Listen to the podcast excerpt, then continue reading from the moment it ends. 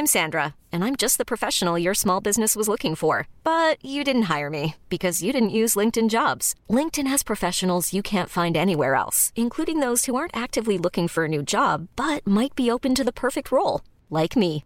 In a given month, over 70% of LinkedIn users don't visit other leading job sites. So if you're not looking on LinkedIn, you'll miss out on great candidates like Sandra. Start hiring professionals like a professional. Post your free job on linkedin.com/achieve slash achieve today. Even on a budget, quality is non-negotiable. That's why Quince is the place to score high-end essentials at 50 to 80% less than similar brands. Get your hands on buttery soft cashmere sweaters from just 60 bucks, Italian leather jackets, and so much more. And the best part about Quince, they exclusively partner with factories committed to safe, ethical, and responsible manufacturing. Elevate your style without the elevated price tag with Quince. Go to quince.com slash upgrade for free shipping and 365-day returns.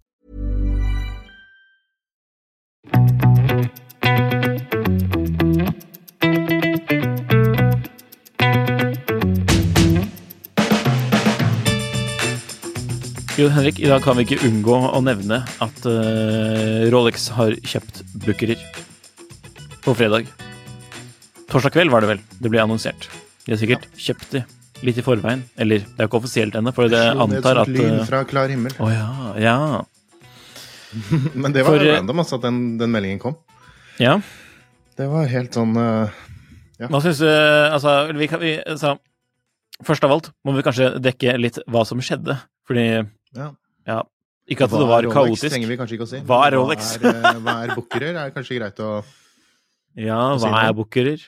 Det er jo en eh, stor klokkeforandrer eh, i Europa, og så eier de jo butikker i USA også, for de kjøpte jo i sin tid, eller sånn 2014 eller noe sånt, eh, 2018 tror jeg det var, Tournot, mm -hmm. som var, eh, har i hvert fall en god del butikker i Uniten. Yes. Og så tror jeg det er litt sånn, det varierer litt om eh, butikkene i USA er frontet som eh, Rolex, Bookerer eller Tourneau, da. Men ja. Ja. Mm. Anywho, Bookerer i seg selv har jo over 100 butikker. Ja. Stor Så- kjede. Luksus Og de selger jo ikke bare Rolex, men de har solgt Rolex i nesten 100 år. Mm. De selger mange forskjellige merker. De selger vel stort sett det som er og det som kryper og går av high-end eh, klokkemerker. Um, Cartier. og så er det kanskje også noen i Norge som kjenner det gjennom Eller også dette mm, datterselskapet Carl F. Bookerer, da, som er Oh. deres eh, inhouse Eller hva skal man kalle det? Husmerke, Husmerke. kan man kalle det. I hvert fall um, um, ja, Et eget Deres- klokkemerke. klokkemerke. Ja. Mm, mm. Og det inngår faktisk i handelen, så vidt jeg har forstått det. I hvert fall, det Ja, står i hvert fall ikke det nevnt at det ikke er inkludert. Og så er det vel noe, har de noe sånn eh, smykkemerke også som de selger i butikkene sine. Ja, de selger en Eh, del varer under eget, eget navn, så vidt jeg har forstått. Så nå, kan man. Så nå må jo investorene bare kaste seg over uh, Carl Carl F. F. Bookerer. Bookerer også, sikkert. Ja. Så det blir jo meget sjeldent Rolex eid. Det neste Tudor Nei, hvem vet. Men Mm. angivelig, da, så skal jo Bucherer få lov å fortsette å gjøre akkurat det de har lyst til. ja, det er i hvert fall det som står i pressemeldingen, offisielle pressemeldingen som Rolex sendte ut. Ja. Um, og det er jo et sånt, eh, det er jo et sånt punkt der som, som det blir egentlig litt spennende å, å følge med på, for det er jo dette med Kom, eller Komco, altså det konkurransetilsynet i Sveits. Og de kommer til å synes om dette her, da. Ja. det, det, det ble nevnt med én linje, at man eh, altså det det er effektivt fra man får grønt lys, men, men jeg har ikke sett så mye diskusjoner sånn i forhold til eh, hvor trolig det er at man får grønt lys. Um, Nei, det er vel mye å gjøre på det kontoret på man i dag, tror jeg. Det tipper jeg at det er. Og, og det er jo litt morsomt, sånn Rolex er jo veldig mm, I denne pressemeldingen så vektlegger de jo ting som det at det er um, en, en relasjon som har vært over mange år, at de, at, og det at bookere fortsatt skal få lov til å være, eller skal være, da, et frittstående en frittstående aktør. At de skal fortsette å ha, være en multibrand stores og ha mm, andre konkurrerende merker, da, altså sånn i forhold til Rolex.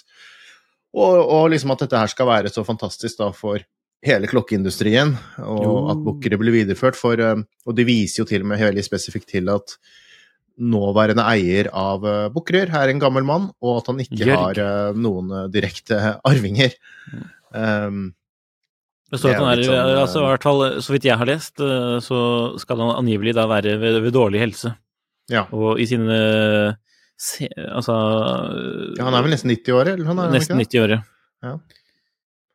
Så det er og, og ja, jeg syns det, det er litt um, artig det at de også skriver det at de liksom Ja, og, og selvfølgelig også for de ansatte i dette store, denne store kjeden, at vi tar vare på de og Så det høres Ja. nesten ut som en sånn pitch for at nei, vi må få lov til å gjøre dette her, og det er ingen uh, Ingenting å legge seg opp i. Det er, alt dette er business as usual. Det er ikke noe problem, ingen problemstillinger her. Det er bare kjøre på, liksom. Så jeg, det blir spennende å se om det er um, om det er sånn som om dette er ønsketenkning fra. Rolex sin side, eller om det faktisk kommer til å gå så glatt igjennom. For Man kan jo spekulere til hvorfor han akkurat valgte Rolex å selge til, eller om det har vært eh, i gjære bare dritlenge. Siden Mm. de liksom Jeg leste på, i kommentarfeltet på Houdinki, så ta det med en klype salt, men da var det en som tydeligvis hadde inngående kunnskap til forholdet mellom de to barna. Hvorpå det sto at eh, de hadde vært så nære at de liksom spilte Altså ikke at det er så veldig nære, da, å spille golf, som jeg skulle si, men at de hadde ja, de, de får- to familiene, da, respektive. I hvert fall representanter.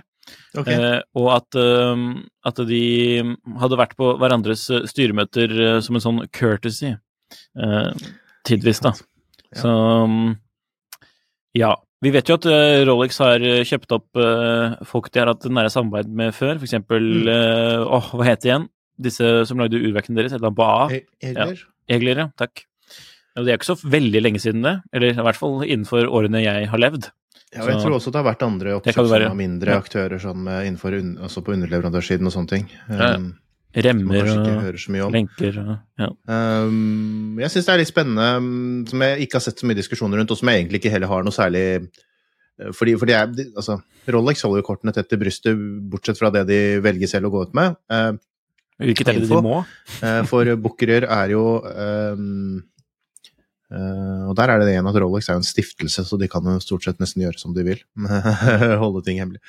Men uh, Bucherer har jo um, Med dette med Calef-bookerer, disse merket, som jo med årene har fått en, hva skal jeg si, en betydelig, i hvert fall, da, sånn um, eh, fabrikk. Og hvor de har eh, om, om dette her kommer til å bli integrert i Rolex på en eller annen måte. Jeg, jeg, jeg er liksom 50-50 nå, da. Sånn, jeg blir, like, jeg blir like overrasket over hvis de sier at nei, dette kommer til å bli nye Rolex, eh, et eller annet produksjon av et eller annet, eller kanskje det bare kommer til å skje det stille. Men de, har jo, Eh, de eh. holder jo på å lage nye fabrikker selv nå. Ja, ja, ja. Og de må jo ha visst om at de skulle, i hvert fall at det var i gjære å kjøpe bookerer, mens de annonserte dette med nye ja, ja, fabrikker som det- var tidligere. Men den er nok litt mindre, den fabrikken, da, og litt, lagt opp på Ja, en litt annen måte. da. Men, og litt mer, kanskje litt mer uh, Hva sier man på norsk? Ikke sånn artisanal, altså litt mer Nei. sånn uh, Og, men vet vi om de lager for andre? eh, Bukkerør. Ja, altså på den fabrikken? Urverksbiten, altså de som lager altså det som egentlig er manufakturet, da, de lagde jo urverk for andre tidligere. Om de fortsatte med det etter at Bukkerud kjøpte det opp, det er jeg faktisk usikker på. Um, han eh, Sylvain Pinot fra, fra, Saint St. Ja, Croix jobber jo, jobbet jo der tidligere. Mm. Um, nei, jeg, jeg vet ikke, men, men jeg blir like overrasket om det skjer, som at de brått kommer nyheter at det er en management buyout, at man altså noen bare at det, at det spinnes ut, da. Ja. For det er jo litt Jeg ser ikke helt sånn umiddelbart hvor Ja. Det vil jo må i så fall være bare da at det faktisk går ganske bra med dette merket, og at det fungerer i butikk, og at man bare lar det gå videre, da. Ja. Um, som tror, et sånn men- frittstående butikkmerke. Ja. Men hvis Rolex eh, holder det de skriver at de lover, så vil de få Mm. lov å holde på. Men hvis ikke, så vil man jo kanskje stille spørsmål med hvor lønnsomme de er. Og... Ja, ikke sant? For de har kanskje vært litt sånn passion project for han uh, Jørg. Kanskje. Ja, jeg vet ikke. Det er, det er veldig vanskelig å, å egentlig si noe om det. Sånn, Mm. Men det er gøy å spekulere. Gamle, gamle Baserworld og sånn, de hadde jo en vanvittig stor stand i hovedsalen, der- i hovedhallen der, og Men uh, ja.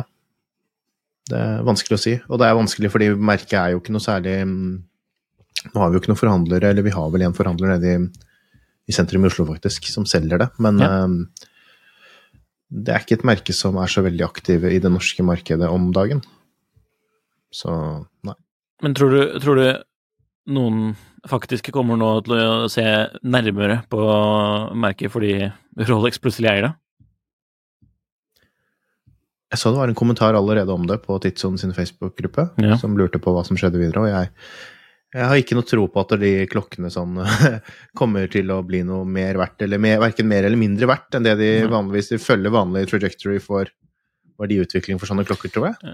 Men det må jo få litt mer boost i omtalen nå, siden det nevnes i samme åndedrag som uh, Rolex. Ja, det er, det er veldig spennende å se fremover, da, hva som Ja. kommer til å skje, og hva Rolex kommer til å gjøre med dette merket. Og, og, og om, det, om det i det hele tatt kommer til å være noe praktisk eh, forbindelse der. Um, nå har jo også Rolex um, um, Bookere bruker jo mye bruker jo mye, fortsatt mye ETA-verk, f.eks. Eller Celita, jeg vet ikke om du bruker ETA eller Celita, men altså standardverk, da, for å kalle det det. Um, Kennessy har jo lager jo nå mye verk, og, og supplier også andre. Hvorfor ikke da supplye Ja, godt f.eks.?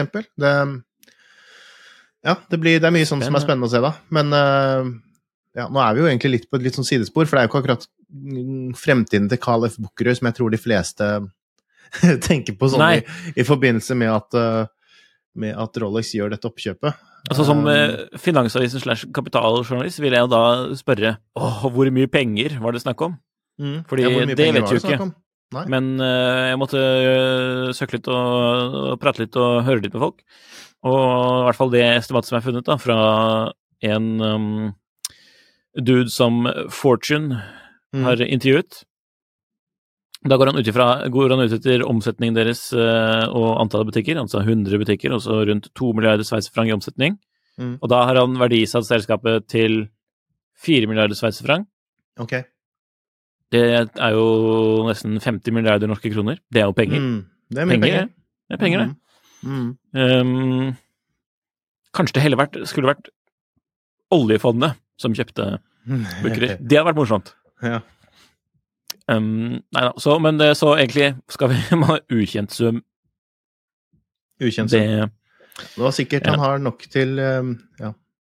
Han har nok til eh, resten av oppholdet, si. no- Nok til at det kommer til å bli krangel i slekta uansett. Ja. Det, men i hvert fall så kommer til å sannsynligvis til å bestå, da, i litt mer um, I den formen som det kanskje er kjent nå. ja. Fordi de har jo allerede butikker som ser ut som Rolex-butikker, i hvert fall etter de, de kommentarene jeg har sporet opp, sånn i hvert fall i Uniten. Ja. Altså det er noen som, hvor det bare er så vidt nevnes at det er Tournoi-butikk eh, på utsiden. Og det er jo det som er litt spennende fremover, da, i Mhm. forhold til det at um, uh, Watches of Switzerland fra UK har jo vært uh, gått Altså stormet frem da, som denne lederen innenfor dette med å representere merker med egne merkebutikker, som jo har blitt en veldig mm, stor trend de seneste årene. Uh, og det så man jo også på Og det er jo et eh, det er jo et børsnotert selskap. Så vi fikk jo med oss litt uh, hva som skjedde der. Eh, Ikke spesielt ned- bra. nei, hvor, hvor mye ned var det etter at denne, dette oppkjøpet Det var jo i hvert fall på et visst tidspunkt var det nærmere eller over 30% fall på fredag. Men så Ja. tror jeg det ved closing var rundt sånn 20% ned eh, fra åpning. Eh, For nyheten kom jo etter eh, børsen hadde stengt på torsdag. Og så. Har jo børsen i London åpnet når vi spiller inn det her, men eh, jeg har ikke greid å se noen andre tall derfra. Jeg prøvde å google så vidt nå i stad, eller sø- søke litt så vidt nå i stad. Men eh, Mm. ja, i hvert fall, det, det ser ikke så meget lyst ut for eh, den kortsiktige uh, Mm. verdien av uh, Worcester Switzerland. Da. Mm. Så, og angivelig, da, ifølge en sånn børsmegler i London som um, CNBC har i intervju, så leste jeg at um, um, at uh, investorene frykter det som sikkert mange entusiaster frykter også, Mm. at uh, at uh, bookere da vil få sånn um, At de vil få mer klokker tildelt, eller Mm. allokering, flere Mm. allokeringer, enn de andre som selger Rolex, da, siden Rolex Ja. nå eier bookerer. Ikke sant. Det er jo en spennende hypotese. Ja. Eh, og så er det ikke kanskje alltid at de første reaksjonene i markedet har rett, da. Så Nei. det kan jo hende at Og Rolex vet sikkert at det var Jeg tipper at Rolex var veldig klar over at eh, folk sikkert ville hypotisere rundt det. Mm. Altså, eller frykte at det skulle skje, og derfor at de sikkert nevnte det litt sånn i Ja, og jeg tror de, jeg tror de kommer til å trå veldig varsomt fremover, ja, for, eh, for at dette skal gå på skinner. Ja, I hvert fall for at det skal bli godkjent av disse konkurransetitterne. konkurranse... Allerede, men allerede i fjor, eh, i fjor vinter så var det jo Eller altså i vinter, da, altså på Ja, det var kanskje i desember. Så begynte jo Rolex med dette eh, CPO, eh, Certified Det var januar, tror jeg. Var det januar? Ja, ja, ok, ok. Ja. Med Bookerer som første forhandler som dette ble rullet ut hos. Så kanskje det var et hint uh, allerede da, i hvert fall det at man hadde et tett um, forhold. Mm. Uh, Bookerer er jo i København, fordi de kjøpte opp Klarlund i eh, som, hva skal man kalle det, en slags urmaker, Danmarks slags urmaker Bjerke. De har jo noen flere, da, men mm. en av de, en av de store ærverdige, holdt jeg på å si, som, um, som de kjøpte. Uh, I tillegg så har de jo vært der tidligere med denne uh, på Illum, denne Bukkerud uh, multibrand-butikken. Så det er eh, Ja, det er en helt sånn Texas nå. Ja. Mye endring i en bransje som har vært veldig satt veldig lenge, så er det veldig store mm, endringer. Og veldig mm, forandring i hvordan merker tenker og hvordan business blir eh, gjort. Fordi Rolex Så- har jo snevret inn på antallet butikker, Mm. hvem som får selge. Og så har de jo ikke eid butikker selv før, sånn 100% har de det? I hvert fall hvis man ikke medregner den lille butikken i Genéve, da. Nei, jeg tror var det, det var noen som sa det bare var den lille butikken i Genéve, men jeg er litt Ja. usikker om det er hva som stemmer. Ja, jeg er litt usikker, jeg, faktisk. For det det er jo mange Men, eh, butikker på flyplasser som, som fremstår som kun Rolex-butikk. Ja.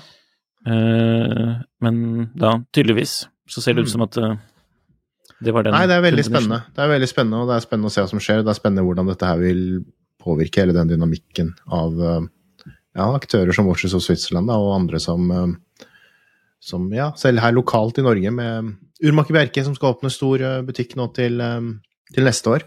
Mm. Hvor det sannsynligvis blir noen sånne eh, Kanskje splittet ut noen a- atskilte merkebutikker i, i lokalet der, eller eh, sånn på gateplan. Um, nei, det er eh, Det er fascinerende. Ja, det er Og- veldig fascinerende. Det er jo en del som har sagt at de så dette her komme, jeg vet ikke. Det er eh, Ja, innenfor den, innenfor den nye virkeligheten med at det skjer veldig mye ting, så kan jo alt skje. Men eh, Mm.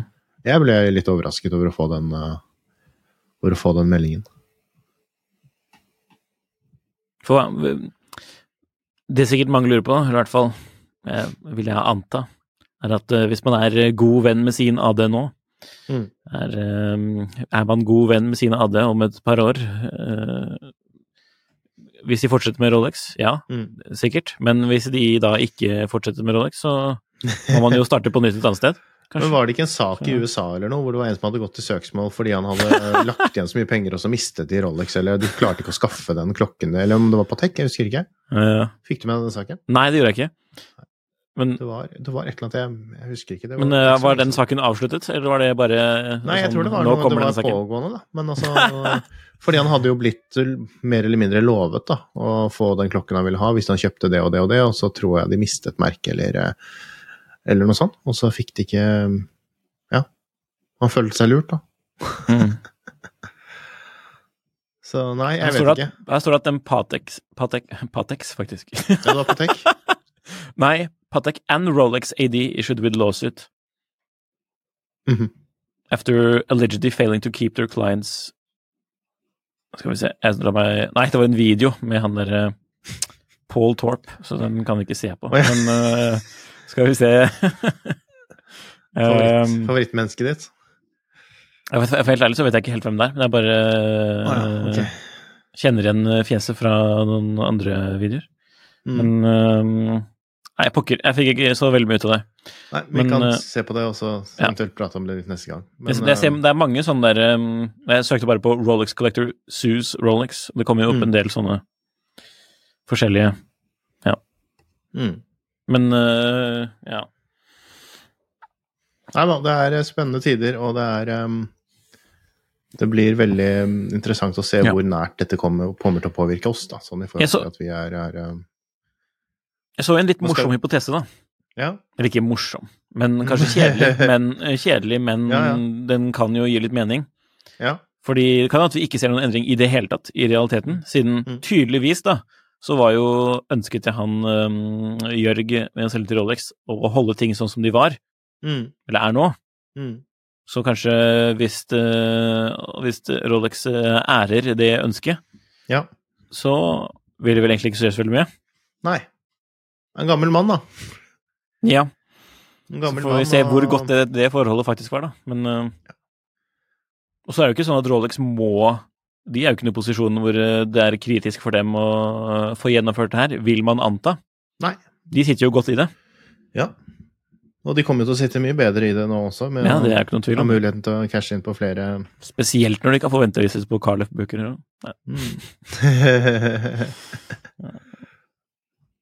Hvordan selge mer Rolex eller tjene mer penger på å selge klokker uten å lage flere av egne klokker? Jo, vi kjøper et annet uh, Det er jo spennende, vi, altså når de fikk den her liksom med på kjøpet, at den hvis den plutselig liksom blir en uh, Tudor junior der igjen Ikke at de, Ja. deres, nei, Carl F. Uh, priser er noe særlig annerledes enn Tudor Nei, de er vel faktisk Jeg tror det er ganske nesten høyere, høyere, tror jeg. Sånn ja, på, De har jo litt mer sånn krono og litt mer komplikasjoner. Nei, og de har jo noen uh, styggdyre klokker også, med minute repeater og Torino. Og Og egentlig, det er jo bra klokker, da. Det er ikke noe å si på kvaliteten sånn, egentlig. Det er bra klokker og sånn, men uh, ja, altså, det, så navn de og- startet det merket i 1888, altså. At, hva? 1888. At de startet uh, merket da. Kallef Bukkeri? Ja. ja Bukkeri, kanskje? Ja, det, ja. ja. Eh, fordi Bookerer er jo også founded in 1888, så de hadde sikkert noen sånne merker, nei, klokker som de satte sitt eget merke på. Ja. Anyways. Jeg vet ikke. Det, er miksing og triksing med historien. Ja. Men de hører jo til i Er, er de ikke hjemmehørende egentlig i Lugano? Uh, Luzern. Er det Luzern, ja? Ok. Mm. Ja. Så Lugano, det er alle, der alle nordmennene bor, da, vet du. Ja, men det var det, jeg, det var det jeg mente at det var der de var fra, men det var uh, Det er litt nordmenn i Lucerno, nå, så så Ja, ja. det er for så vidt fint, det. Så Ja. ikke noe å si på det. Nei. Utover det, hvis folk har litt meninger eh, altså, Vi vil Ja. jo gjerne prate med deg som hører på, for du er jo en del av samtalen. ja. Så har du noen meninger om det her? Hæ? Ja, hva tror dere kommer til å skje? Ja.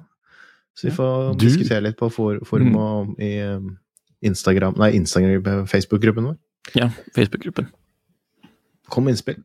Ellers må jeg bare si at det har kommet en festlig tråd på tidssonen hvor man nå skal, hvor man prøver å få samlet klokke- eller wristshots fra alle land i verden. Ja. Så den er, den er morsom. Så Mm. sjekk ut den hvis du ikke har gjort det enda Jeg har ikke lagt inn bilder, men jeg så du har lagt inn et par bilder fra sånn Island og, Eller fra Island, og så Eh, Seoul og Tokyo og verdens navle Fredrikstad og sånne ting. Nei, det gjorde jeg ikke. Jeg inn fra. Kroatia, for den var ikke tatt. Kroatia. For det er om å Når gjøre var du i å ta- Kroatia? Ja, det var noen år siden. Mm. Og så Hvor var det siste? Eh, Tunis, eller noe sånt? Ja. Tunis er fint, det. Tja. Hiring for your small business? If you're not looking for professionals on LinkedIn, you're looking in the wrong place. That's like looking for your car keys in a fish tank. LinkedIn helps you hire professionals you can't find anywhere else, even those who aren't actively searching for a new job but might be open to the perfect role. In a given month, over 70% of LinkedIn users don't even visit other leading job sites. So start looking in the right place. With LinkedIn, you can hire professionals like a professional. Post your free job on linkedin.com slash achieve today. Many of us have those stubborn pounds that seem impossible to lose, no matter how good we eat or how hard we work out. My solution is PlushCare. PlushCare is a leading telehealth provider with doctors who are there for you day and night to partner with you in your weight loss journey. They can prescribe FDA-approved weight loss medications like Wagovi and Zepbound for those who qualify. Plus, they accept most insurance plans. To get started, visit plushcare.com slash weight loss. That's plushcare.com slash weight loss.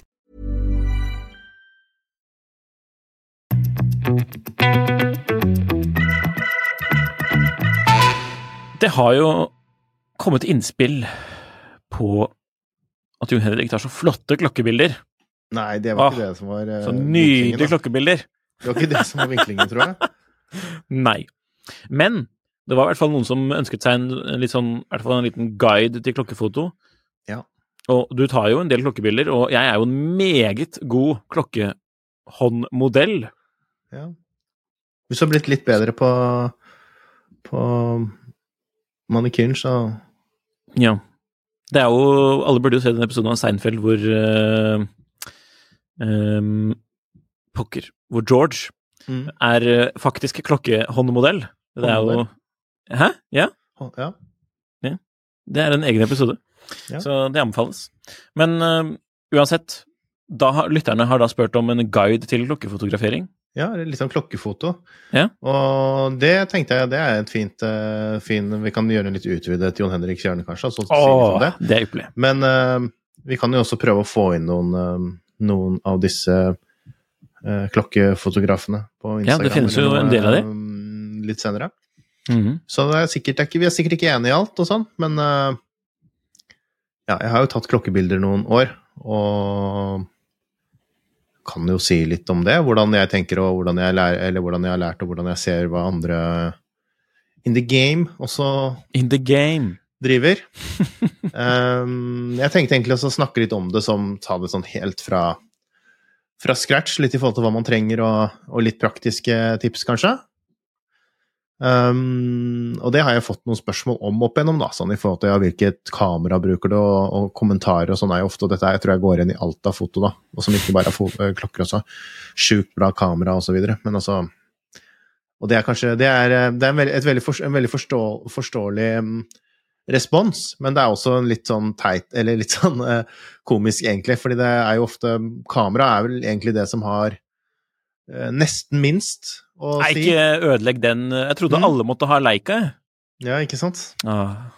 Nei, altså kamera har jo egentlig veldig ganske lite å si, altså det, fordi altså Og det er en sannhet med modifikasjoner, da, men hvis man uh, kjøper et uh, kamera i dag, et moderne kamera i dag, eh, et dedikert fotoapparat, så er de fleste kameraer av en såpass god kvalitet at hvis man vet hvordan man bruker det, så får man, kan man få gode resultater. Og det er jo også grunnen til at man jo faktisk kan bruke mobiltelefon og få faktisk bilder som er ganske ok, i hvert fall til, til en sånn type sosiale medier, legget på internett-type bruk. Mm. Ehm, så ikke vær for fokusert på kamera og, og den biten der, for det, det føler jeg det er litt sånn ja, er, Nei, jeg skal ikke si det, fordi vi driver jo med nerdeting, og det er gøy å nærme ting og sitte timevis og bare grave seg ned i reviews og lese spesifikasjoner og Men uh, ja, ikke la det stoppe deg fra å, fra å ta klokkebilder, i hvert fall, da. Um, det at man skal spare til et grisedyrt kamera eller um, noe sånt, det er ikke noe poeng. Ehm, selv så bruker jeg må passe på at ingen eh, bytter ut eh, klokke med kamera i den eh, monologen. Ja, ikke sant? Ja. Selv, selv solgte Rolex-samlingen for å kjøpe en eller annen sånn derre superkamera. Nei da. Fullformat. Uh, Men man kan jo bruke telefon òg. Ja, man kan bruke Absolutt, man kan bruke telefon. Men jeg kan si litt om kamera først. Uh, Ja. Selv så sverger jeg til Sony og har gjort det i flere år. Um, og det er det egentlig Det er egentlig veldig lite med bildekvalitet Eller det har ikke veldig lite å gjøre, men altså det er god bildekvalitet. Uh, men det er egentlig hele den helhetspakken, og jeg, og jeg bruker faktisk også uh, et sånt um, APS-C-kamera som, som har en litt mindre sensor. Så man kan tenke det, så man tenker det at det er uh, dårligere til klokkebilder eller sånn fordi lyset når det er dårlig lys osv. Sånn, men jeg kan komme litt inn på det senere, hvor, hvorfor ikke det egentlig er noe problem. Eh, men jeg liker det fordi det er lett å det er lett å håndtere. Det er lett å, for det man husker på, er at hvis man tar klokkebilder aktivt, da, så er det veldig ofte at man eh, ikke har den luksusen at man har tid til å sette opp et stativ, og man skal skyte fra masse rare vinkler. Eh, da er det greit at kamera ikke er, og kamera, altså oppsettet ikke er for ikke er for tungt, og at man klarer faktisk å holde det noenlunde stabilt med én hånd. Det er jo et um, hvis, man, hvis man tar wristshots og sånn, da, så er man jo der, ikke sant? Man, så, mm -hmm. sitter jo ikke sånn.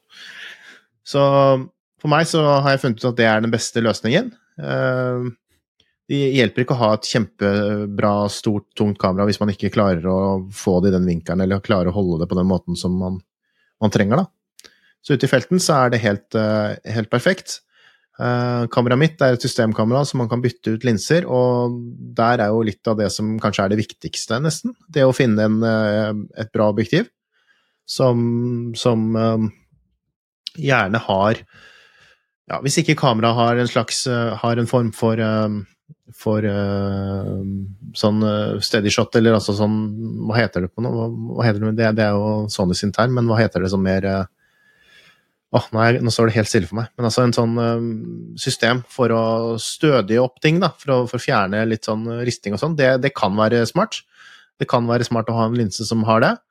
Uh, fordi uh, Ja, og en ting som man må tenke litt på uh, Nærgrensen på linsen er ganske viktig. Uh, som bor vi og, og sånn, hvor, hva, slags linse man bruker, det, det, vil jo kanskje avhenge litt av hva slags type bilder man typisk vil ta, og også litt hva slags look man liker på, på, på bildene sine. Men dette med nærgrense kan være litt viktig, for det, det, går jo da på hvor langt man må være fra eh, Hvor lang avstanden inn til eh, sensoren kan være før man klarer å fokusere linsen. Eh, for autofokus også kan jo være smart um, å ha, å bruke. Når man skyter med én hånd, så har man jo ikke så mye annet valg. Uh, og, da, og, da, snakker jeg da om wrist shots. Uh, ellers så er det jo veldig smart det å kunne ha muligheten til å, å ha en, et objektiv som er, har en god funksjon sånn for å fokusere manuelt. For det er jo det man ofte bruker hvis man er, tar litt, hva skal jeg si, litt mer bilder, litt mer kontrollerte omgivelser, da.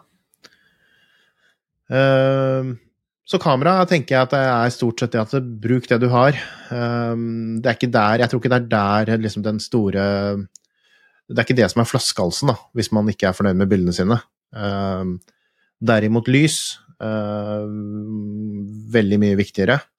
Um, det kan være smart å, prøve seg i uh, naturlig dagslys. Det er, det, det er, jo egentlig det enkleste. Det løser veldig mye problemer, fordi det er Fargene pleier å være bra, kamera pleier som regel å forstå det veldig godt. Eh, det er, eh, hvis man ikke kan så mye om, om fotografering og sånn den, hva skal jeg si, den uh, Hvordan man bruker kamera, så, så er, det, er, det, en snarvei å gå ut og ta noen wristshots ute, eller legge klokken på et eller annet sted ute, og så bruke det lyset man har. Uh, veldig vinduskarmen. Vinduskarmen er perfekt, og det skal jo helst være litt sånn overskyet, da. Det er jo for, for, hvis man får denne direkte, sterke sollyset, det er vel kanskje noe av det styggeste man kan gjøre, da. Sånn, eller, eller sånn Resultatet blir noe av det styggeste. Uh, da syns alt av riper og alt av små ting, og man ser mer enn det man ser ville sett vanligvis med en uh, i, Vanligvis hvis man hadde brukt en klokke, da. Um, hvis man skal bruke kunstige lyskilder, så finnes det jo så mye forskjellig. Det er disse små eh, LED-videolysene som jeg ser at en del bruker, hvor det er konstant lys. Man kan ha strobelys, altså med proffe, store rigger, men, men uh, Det blir jo som regel bedre hvis man har, hva skal jeg si, større lys. Uh, og det blir bedre, man må ha, man må ha en diffuser, man må få lyset, man må myke opp lyset, for lyset er veldig hardt ofte fra disse lyskildene, og spesielt også hvis det blir fra et veldig lite punkt som en altså en sånn supersterkt lite LED-lys, så blir jo det litt som når man står midt i den verste solsteken og får dette veldig skarpe lyset. Eh, det er ikke pent, så det er det å eksperimentere, finne en lyskilde som har et sterkt lys, det skal være et lys som har en, en, Helst et lys som har en eh, bra fargetemperatur. At det er eh, At man ikke bare kjøper et eller annet, hva skal jeg si, noe En eller annen lyskaster på Biltema eller noe sånt, men altså, det, bør jo helst være det. Og, og, og, og, at kvaliteten på lyset er, eh, er god. Men så er det dette her med hvordan man plasserer lyset, hvordan man former lyset, da. Eh, man kan bruke flere lyskilder, og det er kanskje det som er Hvis man skal være litt sånn proff, da, så må man kanskje det, men, men man kommer ganske langt med én lyskilde, én sterk, god lyskilde. Um, og hvordan man former det med ulike reflektorer, hvordan man prøver å myke opp lyset. Man kan kjøre indirekte lys. Um, man vil veldig ofte se det. Ja, disse boksene som, som man setter opp, disse lysteltene, yeah. det kan jo fungere. Uh, det jeg ikke liker med disse lysteltene, er jo det at det, det gir litt begrensninger i forhold til man, hvor man kan eh, ta bilder fra, da. Vinkler og sånne ting. Ja. Uh, men ja, bokser kan fungere. Det kan fungere bra. Uh, men det er, jeg syns det er enda bedre å prøve å frigjøre seg litt fra det. Uh, kjøpe inn noe tykk papp. Hvit papp. Reflekter, det reflekterer lys veldig bra. Eh, og uten at det blir sånn veldig skarpt og veldig rare farger. Eh, Sette opp sånne reflektorer rundt omkring. Eh, eksperimentere litt. Man kan lage sånne, sånne brettbare Jeg kaller det for V-flats, ja, for det er det det heter, de som lager de sånn proft. Men, men altså, man kan bare teipe sammen, da. Og så får man sånne eh, to, to pappplater som man kan sette opp. Og så kan man sette det rundt omkring, og så ser man det man hjørne, veldig på en måte? i- Ser man jo veldig fort uh, hvordan uh, dette påvirker bildet, da. Um, så så det, det er jo kanskje det beste trikset. Det er liksom bare å tenke lys, at det er det viktigste. Uh, eksperimenter med lys, eksperimenter med indirekte lys. Prøv å gjøre lyset så mykt som mulig. Um, jeg kjører jo faktisk sånn Jeg bruker jo ofte sånn et sånt stort videolys med en ganske stor softbox på, som gir et ganske um, mykt lys, og så former jeg det med sånne reflektorer. Jeg og så har jeg flere sånne lys, da, men uh, som sagt, man trenger kanskje egentlig bare å starte med én. Uh, jeg har sett også, når man er sånn on the go, så har jeg sett at noen har brukt, uh, noen venner av meg har brukt uh, hvis man har iPad og sånne ting, og kjører opp bare full lysstyrke med hvit bakgrunn, f.eks., at det kan bli faktisk Mm. lys av en helt ok uh, kvalitet, som man kan bruke til uh, liksom innendørs, eller til å Hvis man trenger litt ekstra lys, eller, eller sånn, da. Uh, og er man i mer kontrollerte omgivelser, så er det jo en fordel å bruke stativ, for da har man mer fleksibilitet i forhold til hva slags innstillinger man kan kjøre på kameraet. Um, I forhold til det å lage litt uh, show, da, og ikke ha bare disse Du er jo ikke så veldig fan av disse vanlige wristshotene, vet jeg, Nikolai. Nei. Uh, I hvert fall ikke hvis man man har har eh, Hvis skjorten toucher klokken på venstresiden. Uff meg. Grøss og gru, altså. eller under. Litt under klokka. Ja, under, det det ja. ja. Uh. Så, men eh, men eh, hvis man tar bilder på en, på et, en overflate, da, så er det jo det å prøve å få litt dybde. Ikke at, det blir helt, ikke at klokken bare ligger helt flatt, men at man prøver å bygge det litt opp, og bygger litt uh, miljø rundt. Uh, det kan være bøker, det kan være klesplagg, det kan være penner, det kan være lommekniver, det kan være ting som det Og det kommer jo litt an på hva man ønsker å oppnå av, av, av look på bildet, da, men, men uh, Veldig populært det er jo sånn solbriller og bøker, føler jeg. Ikke sant? Men det blir jo bra ofte, da. At det ser bra ut. Ja, ja, ja, og tekstur, teksturer er jo bra. Altså ting som det kan Spille være underlag av papp som har litt tekstur. Det kan være lær, det kan være forskjellige ting som gir litt mer tekstur enn bare det flate, glatte. Sånn. Det, det, det fungerer veldig bra. Eh, et triks som jeg plukket opp som er veldig, eh, veldig bra, som man kan bruke nesten hele tiden, det er jo hvis man bare skal skyte et, bilde rett på, eller sånn, eller skal legge en klokke på en overflate, det er jo å den litt opp, og en bruskork. uh, og jeg har også en, så jeg har jo masse sånne bruskorker liggende rundt, uh, gjerne i en klar farge, um, og med en sånn uh, um, Akkurat nå så bruker jeg Rodico, som er sånn Hva skal man kalle det? Eh, sånn eh, plastelina-aktig materiale, men også det derre sånn som man kan feste plakater og feste ting på veggen, vet du, som er sånn plastelinaaktig. Mm. Sånn Det er veldig smart. Det er Ja, er det det man kaller det? Ja, er det ikke det? De Jo, der kanskje. grønne? Ja, ja, grønne eller Mm. grå eller altså Det er Ja. veldig kjekt. Um, for å holde klokken At det fester klokken med, da. Og det samme med maskeringsteip, hvis man skal rette ut remmer og sånne ting. Ehm, smarte ting som fungerer, og som gjør at ting ser litt mer proft ut. Det er en god tips. Um, den største fienden er jo kanskje støv. Fordi det er så sinnssykt mye mer støv i omgivelsene, og så sinnssykt mye mer støv og skitt på klokker hvis man tar litt nærbilder enn det man kanskje skulle tro. Og det er så veldig mye enklere å gjøre den jobben Man sparer så mye tid da, på å gjøre den best mulige jobb først, uh, istedenfor å måtte sitte og rydde opp i det uh, etterpå. Så mikrofiberklut er jo et eh, minimum. Um, er man skikkelig, skikkelig mm, petimeter, så burde man jo egentlig vaske klokken sin litt først, og det snakket vi om i forrige episode. Med ultralydvasker? Eller? Gjorde man ikke det? Eller, eller vi snakket litt om vask av klokker, eller hvis man vask av sokker. Klokker! Med litt, litt uh, mild såpe og så lunkende vann. Så er jo det det absolutt beste, men en mikrofiberklut i hvert fall, da. Um, forsiktig børste av eh, Kan man bruke fra Biltema der, eller er det for eh, dårlig kvalitet? Kan muligens bruke fra Biltema. Ja. Mye bra på Biltema. Og vi burde bli sponsa av Biltema. så mye som vi um, Støvblåser er veldig bra å ha, og den bør du bare bruke den så hele tiden, liksom, foran ja, Men støvblåser? Altså, altså, det er en sånn liten sånn der, Da tenker jeg med en sånn liten ballong. Ja, ikke, sånn, ikke sånn, der, sånn, som de bruker på skolen, vaktmesteren bruker på skolen, liksom, og blåser uh, løv. Nei, nei, nei. Ikke løvblåser, nei. Det er, det er noe annet. Men sånn liten sånn støvblåser som man kan kjøpe på fotobutikk eller i Tidssonen nettbutikk eller hvor som helst. Altså, det er jo et veldig fint verktøy å bruke. Eh, for det er veldig mye enklere å bli kvitt de støvkornene før eh, enn å gjøre det etter, altså. For det er en mm møkkajobb.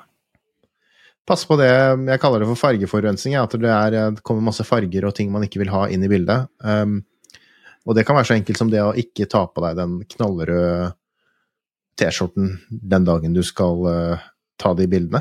Uh, fordi ja, ja. man klarer som man, man, kan jo, hvis man gjør en god jobb uh, når man setter opp lys og sånn, så har man jo ideelt sett klart å eliminere disse tingene, da, at man ikke ser deg og sånne ting. Men uh, hvis, man, hvis, man, tar bilder som er litt Man kan jo gjøre ting veldig grundig, eller man kan gjøre ting litt sånn halvveis grundig, og som regel så tar man kanskje litt sånn halvveis grundig, men bare det der å ikke, ikke ha på den der eh, gærne T-skjorten, da, så det er eh, Det hjelper mye, da. Og ikke, mm. og ikke legge Pass på tingene som er rundt i rommet. Som blir Har du liksom en, en stor stor haug med oppblåste ballonger, så kanskje flytt de ballongene, fordi den er det kommer inn i metallet på klokken, og så blir det alle regnbuens farger i, eh, i eh, kassa. Rydde opp etter barnebursdagen før du begynner. Rydde opp etter barnebursdagen før, eh, mm. før, man driver med dette her. For det er også veldig mye enklere å rydde opp i før man tar bildet, enn å sitte og styre med det etterpå.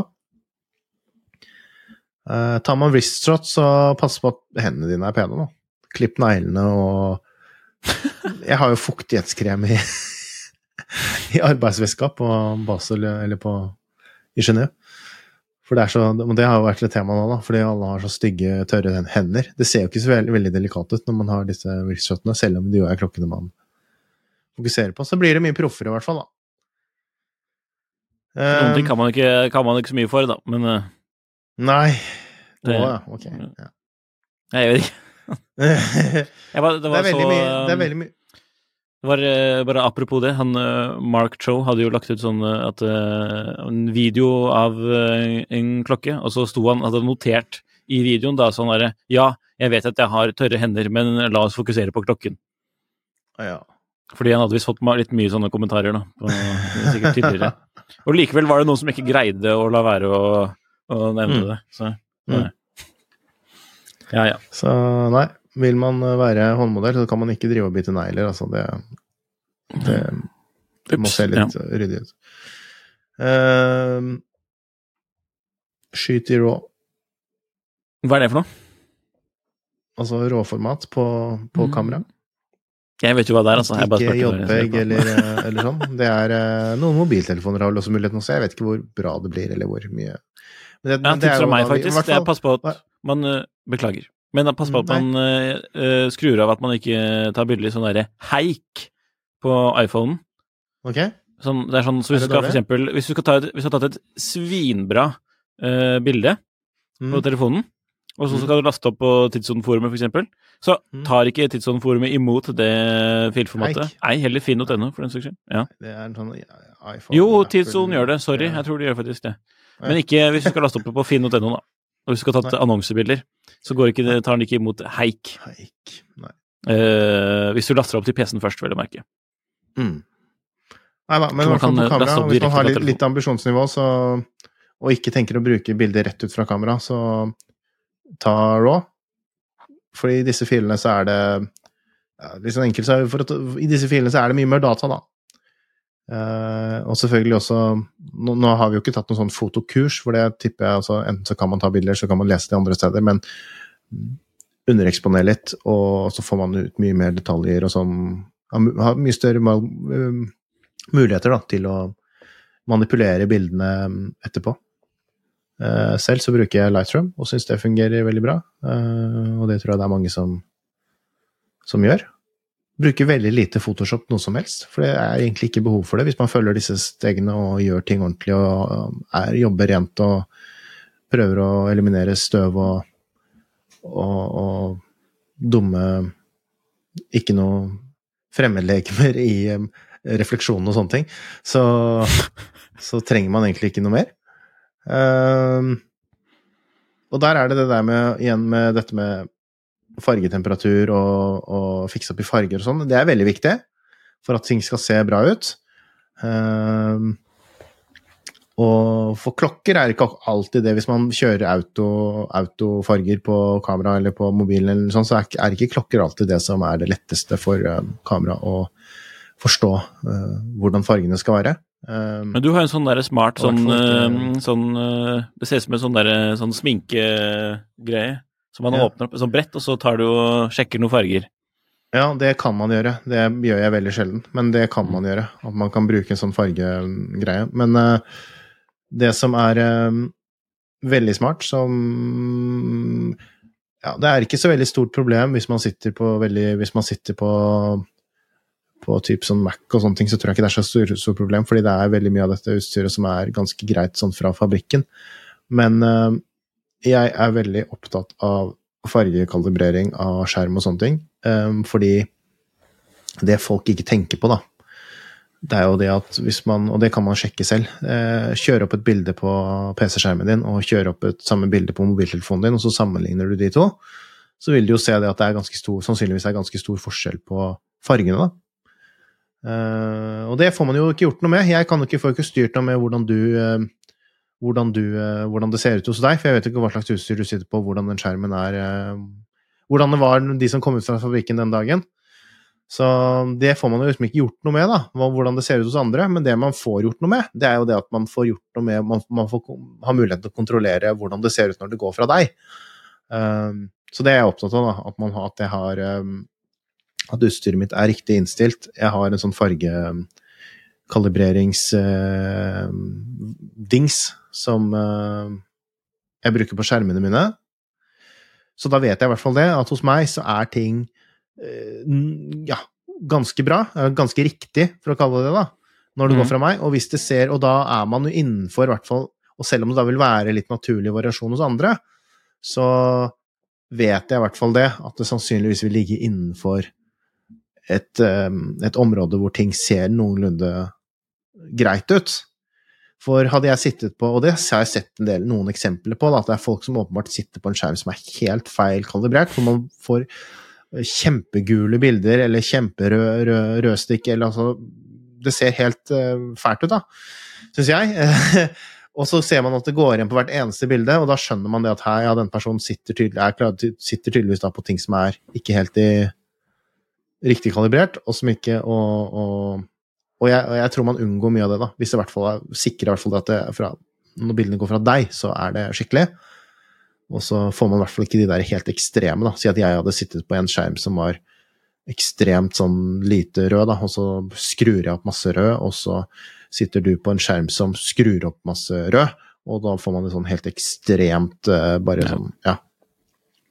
Så det er litt lurt å tenke på, i hvert fall hvis man skal være litt sånn Eh, semiproff og Instagram-fotograf osv. Uh, når man redigerer bildene, det syns jeg ser en del av, som ikke Som jeg tror noen Det er veldig fristende å bare booste opp med Ja, på, på Lightroom så heter det vel uh, clarity og texture og mm.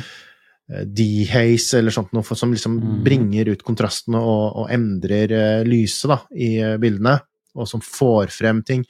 Og det er kjempefine innstillinger å, å, bruke, og som er nødvendig også for å få et fint bilde, men, men um, Og det samme med at man kan skarpe opp bilder uh, som jo også er en nyttig funksjon, men, uh, og, og, og, men også, også, dette med sånn um, fjerning av støy i bilder, hvor jeg syns jeg ser en del av det at folk overdriver veldig, da. Eh, kanskje bildet på en måte ser blir pent. At, at det sånn estetisk så ser det bildet som et bilde, så ser det kanskje hva skal jeg si, fint ut på en eller annen måte. da, På en litt sånn, kanskje litt sånn overdreven Instagram-aktig måte, men at det ser fint ut. Men det som er med klokker, der er det jo mye detaljer, og det er mye teksturer. Eh, skrur man opp eh, støyreduksjonen for høyt, så forsvinner den børstede finishen i den kassen. Eller den, eh, eller den eh, sandblåste Altså, det, det visker jo ut mye av eh, detaljene på en klokke.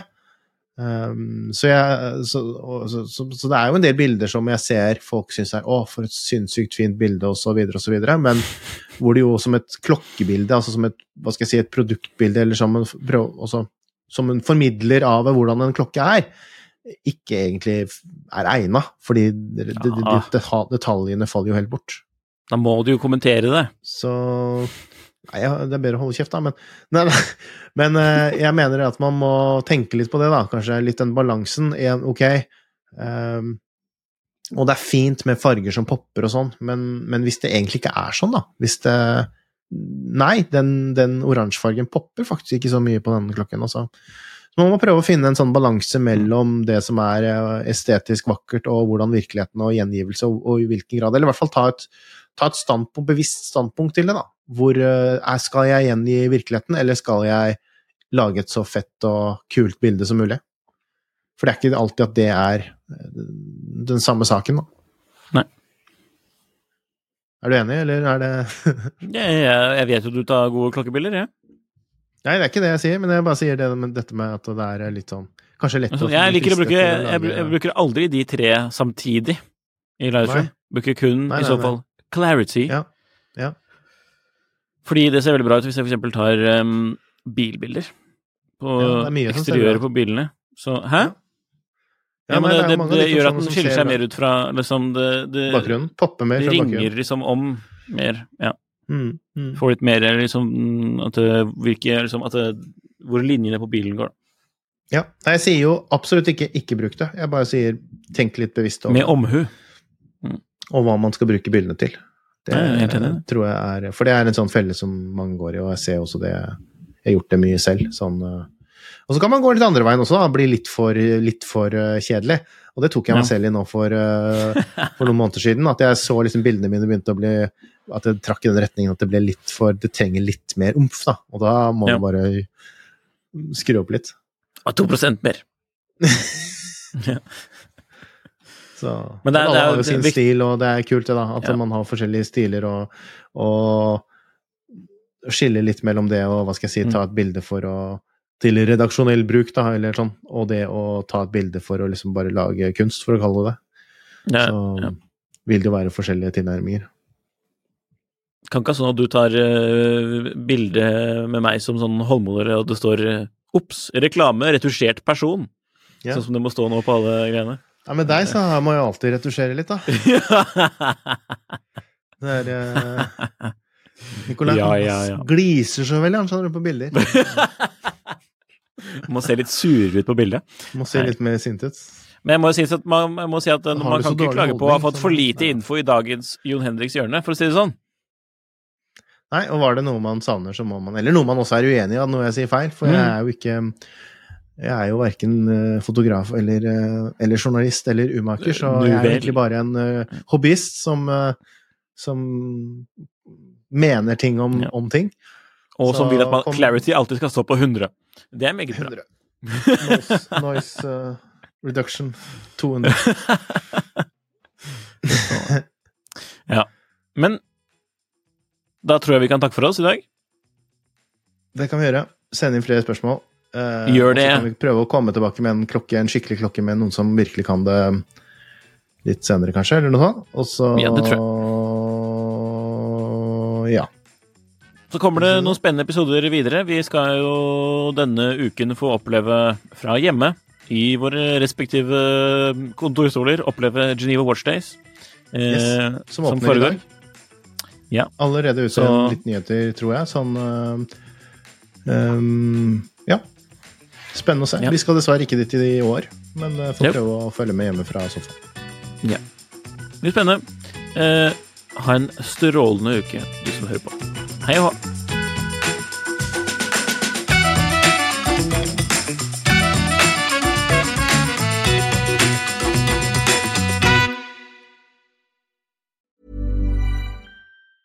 Hey, it's Danny Pellegrino from Everything Iconic. Ready to upgrade your style game without blowing your budget? Check out Quince. They've got all the good stuff shirts and polos, activewear, and fine leather goods, all at 50 to 80% less than other high end brands. And the best part? They're all about safe, ethical, and responsible manufacturing. Get that luxury vibe without the luxury price tag. Hit up quince.com slash upgrade for free shipping and 365 day returns on your next order. That's quince.com slash upgrade. Klokkelandslaget er en Finansavisen-podkast i samarbeid med Tidso. Programleder er Nicolay Giel og Jon Henrik Haraldsen. Produsent er Lars Brenden Skram. Podkast- og videoansvarlig er Marius Mørk Larsen. Og ansvarlig redaktør er Trygve Hegnar.